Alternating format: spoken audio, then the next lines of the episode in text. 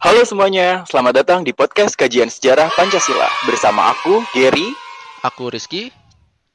Dan aku, Robi. Di sini kami akan menemani teman-teman dalam beraktivitas dengan berbincang seputar sejarah Pancasila selama beberapa menit ke depan.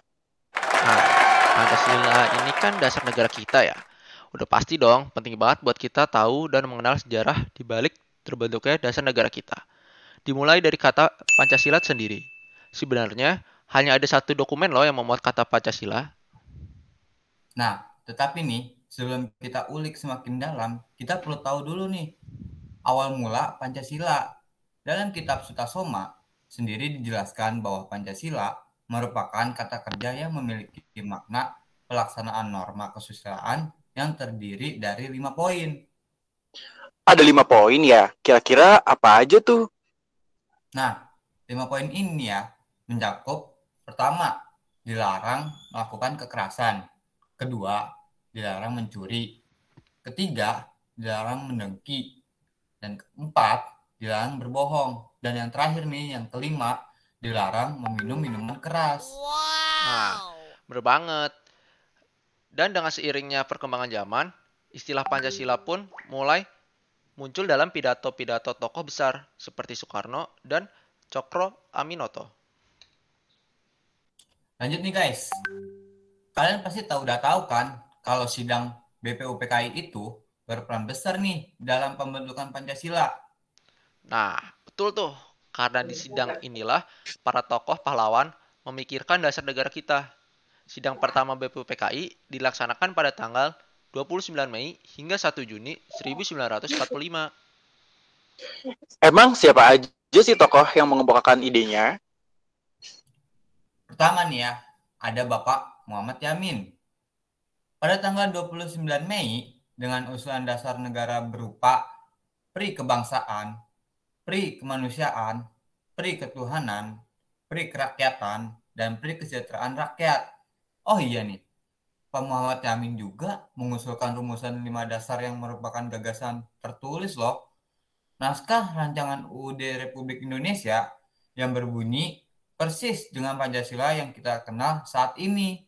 Nah, kedua, ada Bapak Supomo pada 31 Mei dengan paham persatuan, perhubungan negara dan agama, sistem badan permusyawaratan, sosialisasi negara, dan hubungan antar bangsa yang bersifat Asia Timur Raya. Nah, ada juga nih. Lalu ada dari Bapak Presiden kita yang pertama, Bapak IR Soekarno pada tanggal 1 Juni dengan kebangsaan Indonesia, internasionalisme atau pri kemanusiaan, mufakat atau demokrasi, kesejahteraan sosial, dan ketuhanan yang berkebudayaan. Insinyur Soekarno menamakan usulan tersebut sebagai Pancasila. Nah, semua usulan ini ditampung dan didis didiskusikan oleh panitia kecil yang bernama Panitia 9 loh teman-teman. Panitia 9 memang berisikan 9 orang dan mereka lah yang membuat piagam Jakarta atau Jakarta Charter. Nah, ini juga nih ada dia rumusan Pancasila yang tercantum di piagam Jakarta. Ketuhanan dengan kewajiban menjalankan syariat Islam bagi pemeluk-pemeluknya, kemanusiaan yang adil dan beradab, persatuan Indonesia, kerakyatan yang dipimpin oleh hikmat kebijaksanaan dalam permusyawaratan perwakilan dan keadilan sosial bagi seluruh rakyat Indonesia. Oh gitu ya. Oh iya, aku juga punya informasi yang gak kalah penting loh. Wah, apaan tuh, Ger? Nah, ternyata BPU PKI juga mengadakan sidang kedua loh, teman-teman, pada tanggal 10 sampai 16 Juli 1945. Di sini mereka membahas beberapa hal. Yang pertama, kesepakatan dasar negara Indonesia, yaitu Pancasila, seperti yang tertuang dalam Piagam Jakarta. Kedua, negara Indonesia berbentuk negara republik. Ketiga, kesepakatan mengenai wilayah Indonesia yang meliputi wilayah Hindia Belanda, Timur Timur sampai Malaka. Dan yang terakhir, pembentukan tiga panitia kecil sebagai Panitia Perencanaan Undang-Undang Dasar, Panitia Ekonomi dan Keuangan, dan Panitia Pembela Tanah Air. Oh, begitu ya, Gel? Iya, lalu kemudian pada tanggal 17 Agustus 1945 Indonesia akhirnya memproklamasikan kemerdekaannya. Bahkan sehari setelah memproklamasikan kemerdekaannya, ternyata masih ada perubahan pada sila pertama karena adanya rasa keberatan dari wakil-wakil pemeluk aga agama lain dengan rumusan sila pertama yang berbunyi ketuhanan dengan kewajiban menjalankan syariat Islam bagi pemeluk-pemeluknya.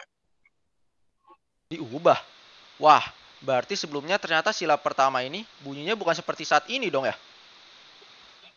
Bener banget. Dan dari perubahan rumusan dasar negara sila pertama tersebut, akhirnya sila pertama pun diubah menjadi ketuhanan yang Maha Esa atas hasil musyawarah dengan tujuan menjaga bangsa Indonesia dan menjaga hubungan antar tokoh pendiri bangsa agar tidak terjadi pecah belah. Ah, nah, kalian juga udah tahu belum nih? Dengan menghapusnya sembilan kata dari sila pertama, justru malah menjadi yang kontroversial pada saat itu bahkan hingga saat ini loh. Waduh, kalau gitu kita sebagai generasi di zaman ini tentunya sangat perlu paham betul seputar makna sila pertama yang sudah diubah itu ya. Benar nggak sih? Bener banget dong. Dengan itu kan segala permasalahan yang ada diharapkan tidak akan terjadi lagi. Yang di mana terjadinya konflik sendiri merupakan hal yang bertentangan dengan Pancasila. Begitu juga dengan seiringnya perkembangan zaman. Tentunya Pancasila mengalami beberapa keragaman baik dalam rumusan. Yaps, keragaman ini bisa dari pembacanya ataupun pengucapannya. Da dan pastinya dalam menghindari hal tersebut, pemerintah pun mengeluarkan instruksi presiden pada tahun 1968. Hmm, emang apaan sih isinya Ki? Nah, isi dari instruksi presiden tersebut mencakup tentang rumusan Pancasila yang benar, yang di mana merupakan Pancasila yang saat ini kita ketahui. Bener banget tuh, Pancasila yang benar itu ada lima sila. Nah, sila pertama, ketuhanan yang Maha Esa. Kedua, kemanusiaan yang adil dan beradab. Ketiga, persatuan Indonesia. Keempat, kerakyatan yang dipimpin oleh hikmat kebijaksanaan dalam permusyawaratan perwakilan. Dan yang kelima, keadilan sosial bagi seluruh rakyat Indonesia. Topik pembicaraan hari ini pastinya seru banget ya. Yang di mana teman-teman dapat mengetahui Pancasila sebagai dasar negara dan sejarah Pancasila itu sendiri. Tentunya, dalam mengulik seputar sejarah Pancasila ini, teman-teman akan semakin tahu bagaimana sih asal-usul dan proses terciptanya Pancasila tersebut. Kami juga berharap dalam topik pembicaraan hari ini cukup dalam menjawab pertanyaan teman-teman dalam rasa penasaran ya selama ini dan menjadi pengetahuan baru bagi kita semua.